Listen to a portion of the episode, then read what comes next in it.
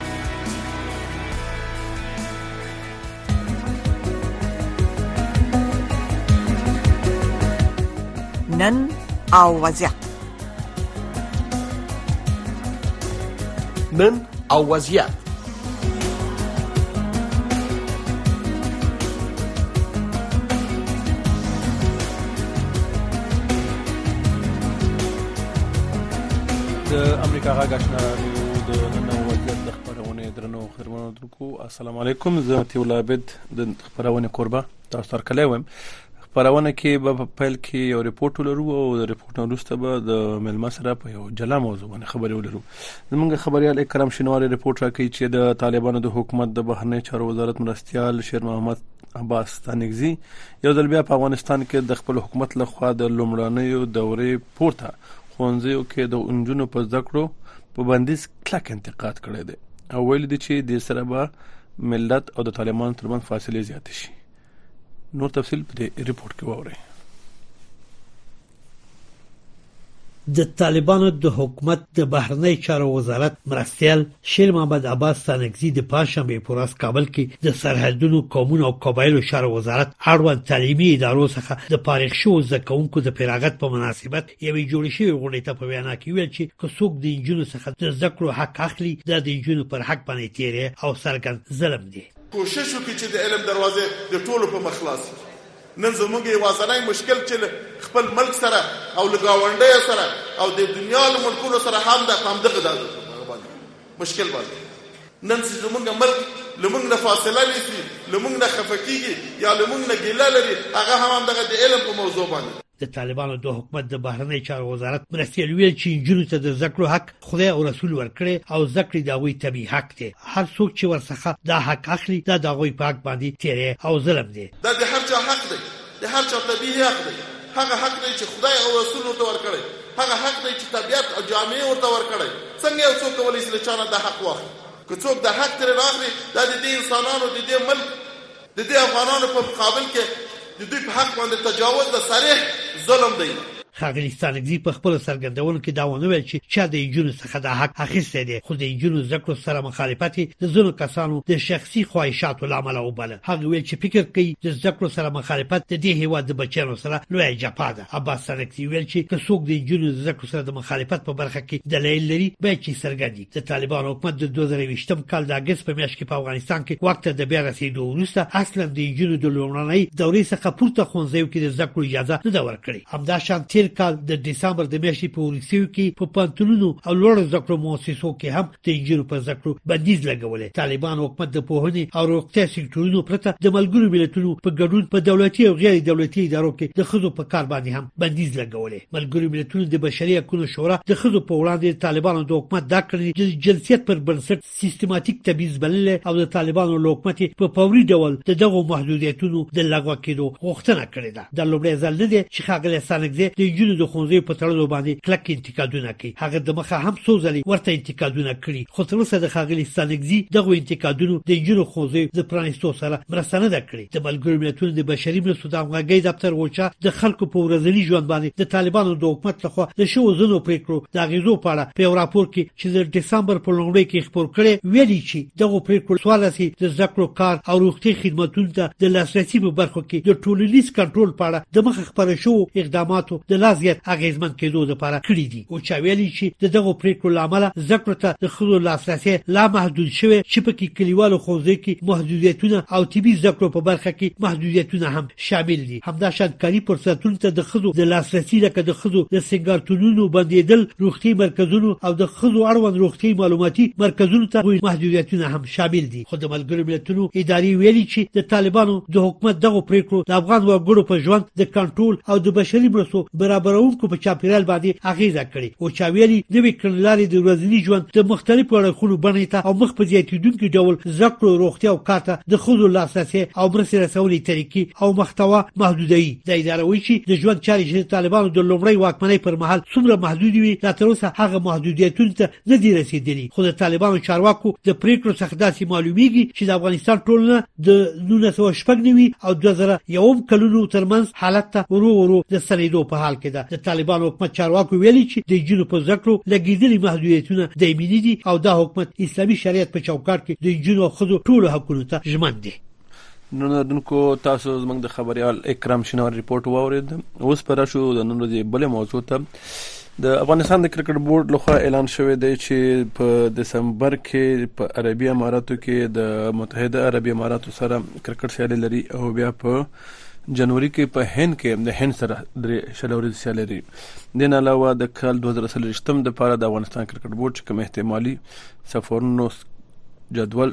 خپور کړی دی هغه کې د یو شمېر نور ملکونو سره هم د افغانستان د کرکټ سیالیو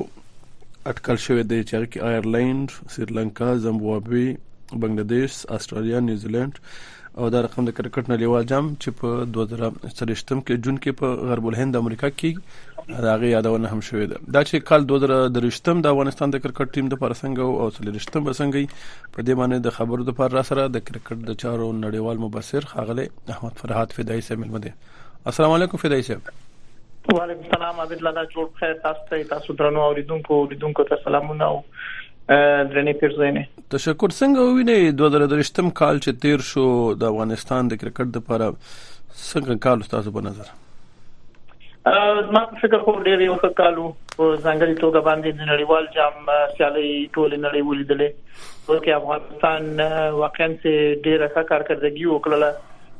په لومبي ځلې پاکستان او همداسې انګلستان مات او د دې تعالی وایي سریلانکا او نیدرلند په کلو به وګټل نو په ټوله کې فکر کوم چې د نړیوال جام په پایلو ته په لومبي سره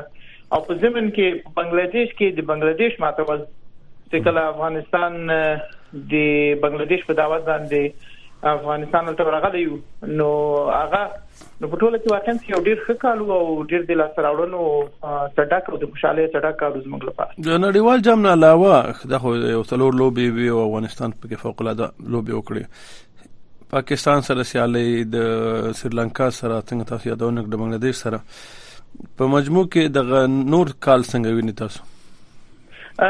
تاسو ورته اشاره وکړه چې یعنی موږ پاکستان سره تنها یو ورځنی لوبه سیالي نه وسی وکړلې موږ ور سره ټي 20 سیریز وکاو ټي 20 سیریز مو ځنه وګټه نو دا څه ډېر دا چې اوس دا د ټي 20 نړیوال جام را روان ده چې جون په میاشت کې تاسو ته اشاره وکړه په خبر گزارش کې چې په امریکا او ویسټ انډیز هیوادونو کې وکیږي نو د افغانستان پیاوړی جوړښت چې مثلا ټي 20 کې پاکستان مات ک او همدارس په زمن کې چې په کوم رقم باندې افغانستان لوبي وګټلې مثلا د ټي 20 په سیریز کې چې دوه غوږی زیمبابوې ته ورغلو زیمبابوې مو 3-0 باندې وګټله همداسې په بنگلاديش کې په یو ورځنۍ سیالیو کې د افغانستان ښه کارکړدګي وکړه نو په ټولو کې څه فکر کوم چې د افغانستان تیر کال یو ډیر ښه کالو او دوی د هر څه نه ښه خبره دا وله چې دوی د خپل ټیم په یو ورځني سالیو کې هغه جوړښت معلوم کړی شو چې کوم لوبغاړی به کوم نمبر راوځي او سره کوم لوبه باید وکړي نو هیله ده چې سکهال ان شاء الله د د 2023 کال لپاره آمادګي ونیولای شو او د ټي 20 سیالي لپاره هم د خپل ټیم هغه بشپړ جوړښت ان شاء الله په ګوته کړی شو منګه د افغانستان د کرکټ د بورډ پخوانی رئیس نسیم دانش صاحب سره مرکه کې د پښتنه کړې و چې تاسو د دې کریډټ چاته ورکوي ټیم ته لوبغاړو ته ادارې ته هغه وایي چې ماموریت یې خښوي د ځکه چې په خابه لوبغاړو هغه رقم ډیسپلین نه تعقیب وسنګ چې اوس کیږي ځکه چې افغانستان کې کوم چارواکي دی هغه کرکټ باندې هغه رقم نظر سات دي څنګه چې تم کېدل خو به وي مداخله و په کرکټ کې دا تاسو فکر کوئ چې د کرکټ ټیم په وده کې زیات رول چا دی تاسو په خپل څه مطالعه کړی دی هغه دا چې څومره ته کرکټ ته ډیر وخت ورکې څومره ډیر ډیر لوبي وسی څومره یو منیجمنت د ټیم سره ډیر وخت تیر کی او هم د غوي ترمنځ تفاهم کیږي او د تفاهم د خروالي په نتیجه کې ټیم پیاوړی راوځي مثلا که چیرته موږ د اشمت الله شاهدی کپتانی وګورو کله چې د نیدرلند په خلاف سیریز کې د لومبي ځل د یو ورځنۍ سیالي او کپتانی مسولیت په غاړه واخیست دی هغه سیریز نه تر نړیوال جام پورې د په کارکردګۍ کې زښته زیات تغیرات راغلي ول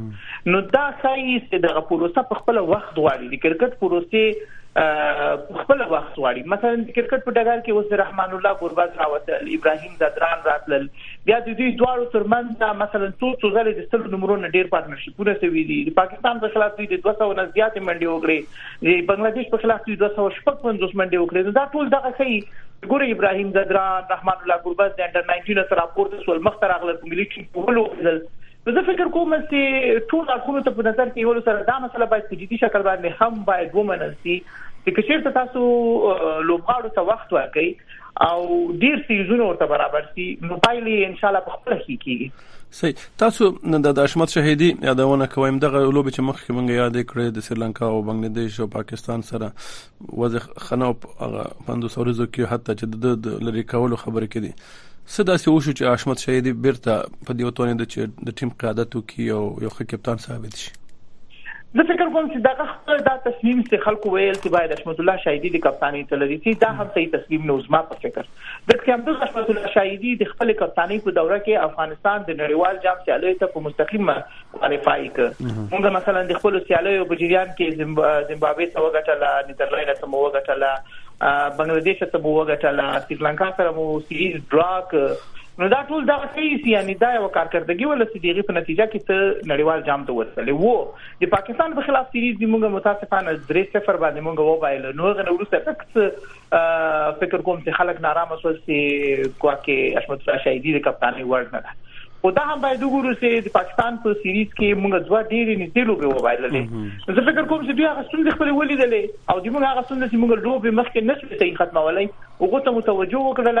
او بیا په انډین کنډیشنز کې دا زمونږ ښه بخت اوسه د نړیوال جام لوبې په هند کې ولې او د افغانستان لوبډله په آسیایي کنډیشنز کې خلو بیږي د موږ سپین لوبغاړي په ځانګړي توګه باندې په آسیایي کنډیشنز کې برلاسي دي نو دا ټول فکټورونه هم پکې خپل لاس درلودو ترڅو زمونږ د نړیوال جام کمپاین یو بریالي او موفق کمپاین صحیح دلته یو خبره چې مرکه کې دانش صاحب ته یاد کړه غدا وای چې د افغانستان د ټیم زیاتره لوبغاړي خارج کې ټور یا ټورنمنت خلاص شي نو وطن ته نزي یو څو لوبغاړي وطن ته لاړ شي او باقي مشهور لوبغاړي ټول بهر پاتې شي بیا د دوی منځ کې هغه ذهني او فکری امانګي او صمیمیت نه څه فکر کوي چې ټیم یو بل نه لري پاتې کېدل دا تاوان کوي کنه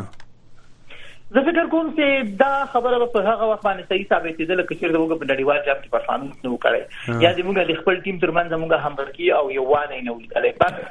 موږ ټول ټیم په یووالي سره په نړیوال جام کې خپل لوبي وکړلې او ما داسې کوم شی په دې کې نه کتل چې واکه دوی منځ کې هغه اتفاق او اتحاد نه تاسو ګورئ چې د سینیئر لوبغاړي جونیئر لوبغاړو ته مشورې ورکړي مثلا د پاکستان په خلاف لوبه کې زموږ کیسه ډیره لري لاړه نه سي نور احمد کله د ویډیو وی اپیل کاو هغه ته نبی ورته ډاډ ورکړ چې وو چې ته تابال بیرته راغنه وځي نو بس باید ریویو موږ واخلو نو دا صحیح چې مثلا د دوی ترمنځ هغه یو ښه اتحاد او اتفاق ته او داسې لوبغاړي یاد چې دی بیا چې روزنیز کمپونه ته دوی سره راټولېږي یو بل سره خپل تجربه شریکي راشد خان ما په خپل لیدل چې نور احمد او ظاهر سره یو ځای په زیمبابوې کې پریکټیس کاو نور احمد سره په دغه نور سیریزونو کې یو ځای پریکټیس کاوه اسی سیس دا ولغته ورخودل او دا په ټول لوبغاړو کې دي نو زه فکر کوم چې الحمدلله زموږ د ټیم تر اوسه پورې خو اتفاق او اتحاد سره روان ده او نتیجه هم دا ده چې پایلې هم موږ الحمدلله ولیدل چې خېری یو ملاحظه د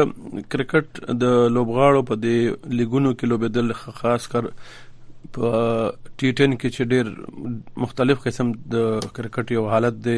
تیز لوب د هغه ټول لغن تعقیبي کوم چې باید شلوري د پندو سوري د کې تعقیب شي وې دا اورته تاوان کې دوی باید دغه تجارتي لیګونه کم کی تاسو وایئ چې کمیږي که خیر دی زه وایم چې چیرته د تا سټرکچر دومره پیاوړی یو لکه د هند بیا به تا ویلی ول چې صحیح ده موږ به دوی ته لیګونو لپاره اجازه نه ورکو خو اوس تاسو د لیګونه غدي روزنې ډیره ښه زمينه برابرې تاسو ول سي ټي 10 مثلا کې د سي معیار نه دویم برعکس مثلا کې چیرته تاسو په نړیوال جام کې د سویلي افریقا لوبه لیدلې او وی د سي فارمټ باندې لوبه کوله سي اول لا ثوره مثلا ونډې لوبه وکړه یا به 15 ثوره ونډې لوبه وکړه بیا به اخر شل 15 ثوره ټي 20 لوبه وکړه بیا اخر لا ثوره کې ټي 10 لوبه وکړه نو دا ټي 10 په خپل لورتیا ده او دا چې څومره ته نورو نړیوالو لوبغاړو سره لوبېږي مثلا په دغه ټیم کې کارن پولارد د سیدی ممبئی انډینز کوچ پاتې تا یو تیر کال یا په دغه کې مثلا بولټ لوبېږي یا تاسو نور د نړۍ زړه غټ نمونه لوبېږي نو د دې تر څنګه لوبېدل او دوی سره په یو کم کې اوسېدل دوی ته صرف د ذکر زمينه برابر شي وو ورکلود باید مدیریت شي د ځانګړو لوبغاړو کچېرته مثلا موږ ګورو چې لیګونه ویخي ډیریږي نو هغه بیا پکار ده چې اداره باید ورته هغه مدیریت کړي او بیخي زښت زیات نه شي خو په ټوله کې زه فکر کوم چې د لوبغاړو لپاره د تمرین زیاته زمينه د وی د زیاتې تکلیف باید کېدلای شي زه د وسیم اکرم یو خبره تاسو کوم هغه وایي زه ډیر پرکه بالر یم ما بیخي ډیر بالینګ کړی دا څومره چې ډیر وای ما بالینګ کړی دا او عمر زه دې ریسه ورته پیاوړی راوړل نو دې خبرې په نظر کې نیول سره فکر کوم چې څومره ډیر دوی تمرین وکړي وو خپل جو دغه ته صحت ته توجه وکي او په ځانګړي توګه ما ویل چې ورکلوډ ډي سي زیات نه شي نو فکر نه کوم چې دومره غټه غیر دی ولري دلته یو پښتنه پکې دا و چې دغه لوبغاړي څنګه چې مخکې مونږ یاد کړل وطن ته نزي نو هغه لوبغاړي چې داخل کې کورنۍ کرکټ کوي هغه اس د غستر هغه معیار سره ناشنا کیږي چې راشد خان سره څنګه لوبو کې نبی سره او ګربس سره ابراهيم زادران سره دوی فقط هغه هلکان سره چې داخل کې لوبه کوي هغوی سره کوي نو بیا تمه ته نه کېږي چې دی راوځي نړیوال کرکټ کې ښه لوبه وکړي وایي که دغه مشهور لوبغاړي وطن ته لاړ شي خپل محلي کرکټ کې برخه واخلي دا دواړو ته ښي نو په مشهور لوبغاړو کې خو زموږ تاسو دغه د بریالي کپتان حشمت الله شهیدی په افغانستان کې ده او په زمن کې بیا دا وخی چې افغانستان د افغانستان پریمیر لیګ سیالۍ بیا را پیل کی نو دا به د ځوانو لوبغاړو لپاره ډیره یو ښایسته زمينه شي چې هغوی سینیر لوبغاړو سره یو ځای لوبه وکړي خو تر ډیره مثلا شپږیزه کې د موږ سینیر لوبغاړي نوی لوبغاړو سره لوبېدلې دي تر 2000 او تر 13 شپږیزه پورې یا مثلا په د افغانستان زرغون جام کې یا په نورو سیالیو کې نو مشخص یو څه شمیر لوبغاړي کدي سره نه لوبي هغه خدای د سي دوی نړیوال کچه باندې ډیر مصروف دي ډیر بوخت دي خو بیا څه د لوبغاړو نوم زده کوي خو د کوچز نه هم زده کړه کوي اوس افغانستان مثلا های پرفارمنس سنټر لري چې هغه ته کوچز ورته نیولې دي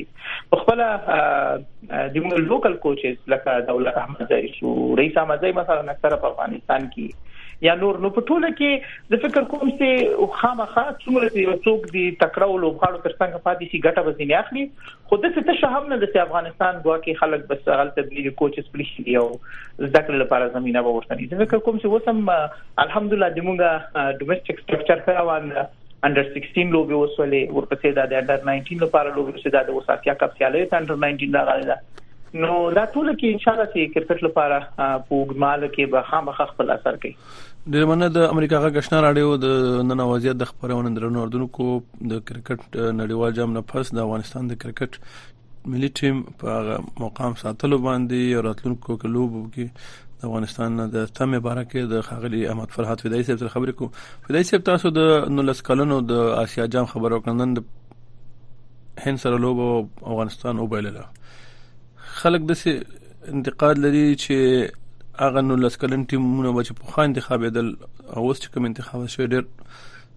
سویه کې فرق دی او هغه دغه نه ساتل کېږي معیار چې دغه لکانو بیا سبا د ملي ټیم لپاره هم تیاریږي څه فکر کې دغه انتخاب صحیح و دا ټیم څنګه ارزوي عابد لالا دا خو به ډیره وخت یې چې د ټیم په کارکردګۍ باندې وغږیږو متاسفانه د افغانستان ټیم یو سخت ګروپ کې پروت دی ورسره افغانستان د پاکستان د هند او نیپال د څلور هیوادونو مخالف یو ګروپ کې دي نو سیالي به سختي خو په دغه انډر 19 کې هم تکړه ځوانان شته مثلا نن د جمشید ځدران لوبه ما کتله درې څلوي منډي وکړلې خو اپروچ خو اټاکینګ کرکټ کولای شو ډیفنس خو سنگل ډبل کولای و فیولا ترخیل مثلا یو د سینوم د سیراتون کې لپاره به د افغانستان یو ستوري یو د ډیرینګ کرکټ کې ډار نه لري به ډار کرکټ کوي یا مثلا بشیر احمد او خلیل احمد چې تیز تو بچونه کوي د فکر کوم چې دا د افغانستان لپاره ټول کې ښه پراسپیکټ دي دا چې اوس موږ په یو لوب باندې د دوی په اړه کې تصمیم ونیسو د فکر کوم لږ وخت دی زه ځینې هیله لرم ان شاء الله موږ په اسیا کپ کې اتلولي ګټلې ده وو مخکینای ټیم ولې موږ هغه کې مثلا ډېر ستر ستر لوبغاړي نن په ملي ټیم کې لوبي کې ویلو بدلې دي خو یو سل 15 کې امنډو په توپیر باندې موږ په پایلو کې پاکستان مات کړی دی یا مثلا موږ د انډر 19 په ورلد کپ کې تر نیمه پایلو به پورې رسیدلی یو نو ما وزن هیله د خپل ټیم نامسته اگر چې د نن کارکردګي دومره زیاته د ډاډ ور نه ده یو سل 3 یا منډه کمی دي خو کرکټ کې دا همیشه مثلا کله کله کنډیشن سره څه بلديږي نو طبعا لږ وخت لګيږي او سخت د چاواله لوبه د دومره قوي ټیم سره هیڅ سره خو په ټوله کې زه هیله دې لرم ان شاء الله چې دې ته به هم موږ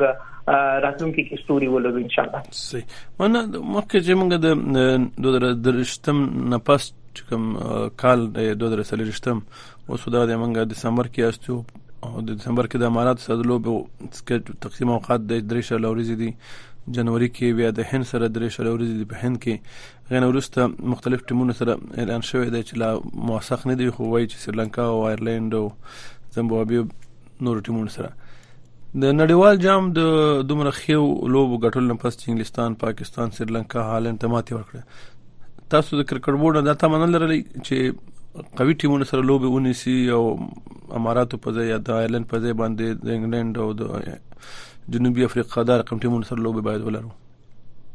د امارات سره خو لوبه د مونږه د تړون په نتیجه کې د مجبورۍ نور سره باید مونږ په کال کې یو د قدرې ورځې نه مجبوریت مجبوریت دی ها دا هغه خدا وکه خو دې غنا نه فکر کوم چې سریلانکا بنگلاديش دا به سیاله نه دي او دا به ډیره کوي او نیوزیلند او استرالیا کې د یو سره سیالي ولرو نو خامخا اوس افغانستان په نړیوال جام کې خپل ځان نړۍ ته وښودو ان شاء الله چې اوس نړۍ به هم دې ته هڅه کوي چې افغانستان سره ولوبېږي ترڅو دوی د نړیوال جام په سیالیو کې بیا د یو حالت سره مواجه نه شي چې په دغه نړیوال جام کې دوی مواجه شول نو هیله خوسته د افغانستان دغه د ای ټیم د انګلستان ای ټیم سره په امارات کې لوبي وکړې درې ورځې سیالي وکړه افغانستان وګټلې نو هیله ستا او دای تاسو خبره بالکل د فیس صابر لاله چې څومره ښه ټیمونو سره موږ لوبي وکړو عمر موږ پیاوړي کیږو او دا د ایرزنی د 2023 کال پیل کې موږ د هند سره لوبه لرو چې دا په خپل یو ډېر غټ سیریز د موږ لپاره او خزه چې افغانستان د سیریز ته د اماراتو د سیریز نورسته ورځي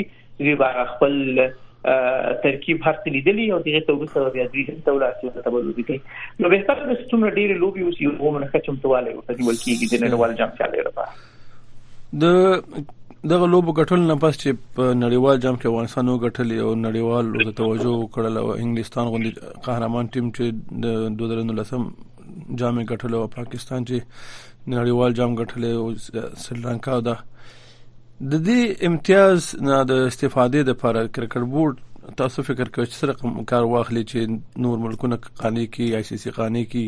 چې نور امتیازات نور لوبې نور وسایل ورکړي چې ځکه چې موږ اوس دغه کیاستو چې باید ارس خپل لغه واخلو مې کریډټ کریډټ باندې واخلو یاري نه کې موږ دا ارسه چې کړی دی د دې باید یو موږ ته دغه مرکړ شي انعام مرکړ شي تاسو فکر کرکټ بورډ باندې کوتوانیږي اول خو دا چې څومره ډېرې لوبې تاسو په نړیوال جام کې وګټئ څومره ښه پرفارمنس تاسو وکړئ او غومره تاسو کرکټ ته د نړیوال شورا له خوا ډېره بودیجه درکول کیږي د ډېرې بودیجې مطلب دا چې تاسو نور زیات لوبغاړي روزلای شئ او نور زیات لوبغاړي معرفي کولای شئ په ضمن دي کې بل مسله د کرکټ سره تړلې دا ده چې تاسو کرکټ په نړۍ کې څه باندې څومره خلک ګوري او څومره چې ډیر تاسو ویورز ولري لیدونکي ولري او هغه بیا هغه کرکټ بورډونه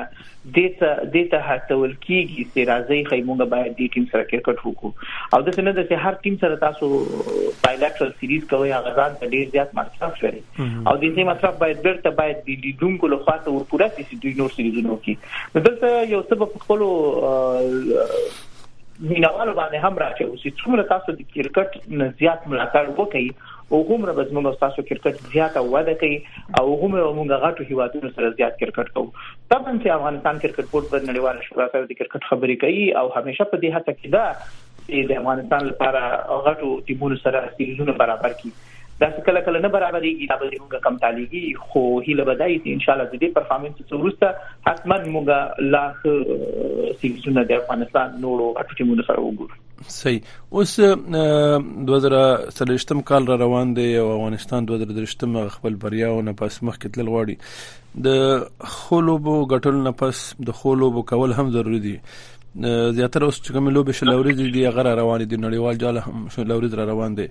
یو اندېښنه خلکو سره دا ده چې شلوري ټیم بیا د یو جوړ شي چې خلکو ته د واسطو وشنای او د شانو پیسې به جوړي تاسو ته تشويش ته چې البته بس تغیر راشي او معیار په ځای به ماستو آشنایو ساتل شي کنه صحیح ټیم مخکې تر شي نو عبد الله لکه تاسو دغه تشویش لري چې د شناخت په اساس باندې ټیم ټاکل کیږي خو دغه ټیم د پاکستان په مقابل کې سیریز ګټلې ده یا هم دغه ټیم مثلا په مخ کې درته لوبې ګټلې دي زه فکر کوم چې خامخا په ټیم کې به تغیرات شي خو د اماراتو د سیریز وروسته به موږ ته لا ښه معلوم شي زه فکر کوم چې اوس د موږ کرکټ په دې باندې پیدلې ده چې باید د معیار په اساس باندې موږ خلک راولو مخکې هم دغه هڅه شوې ده متاسفانه ډېر د چې خلک یې د باندې نه نسی کتلې خو د نن خلکو تخکاری مغاله تاسو مخته کوي چې دا ولې نه لوبي هغه د نن ټیم ته معلومي چې مثلا یا صحت کني یا کارکردګي غومره کني مثلا په یو سیریز کې مشخص ما په یاد اکرام علي خیل ټول ولې نه لوټي اکرام علي خیل هغه څه درلودل مشکل درلود دا انا پر خپل ولا نشو کولای کرکټ به څنګه کولای خدا مثلا رسنۍ ته نه راتلل نو دا د چې مسایل دي چې هغه د نن منیجمنت او ټیم ته معلومي خو کله کله دوی رسنۍ کوي نه خدا مو باور د ان شاء الله دوی همیشه دغه هڅه کوي چې بهترین ټیم وټاکي ترڅو هغه مطلوب نتایج د امتلا سره راوړي زموږ به دغه توقع شي د اماراتو سیریز کې د موږ هغه تغییر او تبديل ولید چې ترڅو موږ خپل پلینګ 11 معلوم کړی شو او بیا موږ پلینګ 11 سره ان شاء الله موږ هند ته ولاړ شو او دغه ترکیب وساتو تر نړیوال جام پورې ان شاء الله موږ هغه مطلوبه نتیجه او پایله سره کی نه نو دا پنځوسوريز ټیم کې څومره تغیر تاسو باید وکړئ چې شلوريز ټیم د جوړ شي خو کپتان بدلیږي ځکه چې کپتان راشد خان دی اوس اشمت د کم د سیسو لوبغاړي ساس په نظر باندې هغه باید 15 په ځای شلوريز د پر وخت سره شي ولا زه خو فکر کوم چې د موږ د شلوريز فارمټ لپاره ما د خپل شخصي نظر ده چې ته موږ مثلا کریم جنت کراولو اوپننګ ته باید راوړو ځکه چې په اوپننګ کې کریم جنت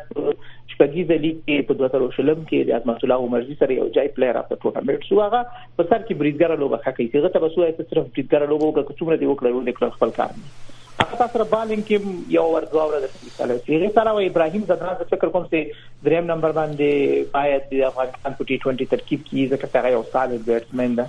او اکثره تقریبا دغه لوبغاړي چې موږ په ونډې کې لوبېږي مثلا فضل حق فاروقي دا عظمت الله عمرزای دا محمد نبی دا راشد خان دا مجيب دا نور احمد لکنوال دا نوین الحق دا نو دومره زیات تغییر په کې نه ګورم بغیر دی یو دوه دریو پلیرانو سره هغه موږ بیټینګ کې باید راولو چې هم تیز لوبو کې او وکټ باندې ودرېږي دا خپل د شمت الله شهیدی په راتګ باندې هم نه خفه کېږم چې د پټي 20 کې ولوبېږي چې په څلورم نمبر باندې تراولې او په وکټ کار خو بیا اکرام علي خیل مثلا ځا په اکرام علي خیل ته هم غنې مسه کولو بيږي بچوي غني اشمت شهیدی دلته په امریکا کې دی په امریکا کې یو یو اس کرکټ اوپن دی دا غي کې یو ټیم کپتان دی نو هغه فل حال هم لګیا دی چې لوري ته پاتې شوی دی نو ګورو چې حشمت شهیدي دغه سفر نه دلته چې راغلی او سمرستې مې غونډې کړې او غواړي چې کرکټ هم وکړي نو ګورو چې د شپند تولید نه پس لوريزو کې حشمت شهیدي څنګه ځلېږي ډېر مننه کو احمد فرحات فدایي صاحب د وخت نم صاحب ډېر مننه عبد الله تاسو ته ډېر تشکر درنو اردوونکو دا او د نن ورځې د نن وضعیت ملما خغلی احمد فرحات فدایي چې د کرکټ نړیوال مبصر دی او په 2023 کال کې د افغانستان د کرکټ ټیم په لوبو باندې خپل نظریات شریک کړل او د سیستم لپاره خپل هیلې خوري تاسو نه ډیره مننه چې موږ سره وای د دین پس تاسو غږ پرونه شروع کیږي دا غي د لپاره موږ همکاران روان دي منتظر اوسئ چې شپې خیرات الله مو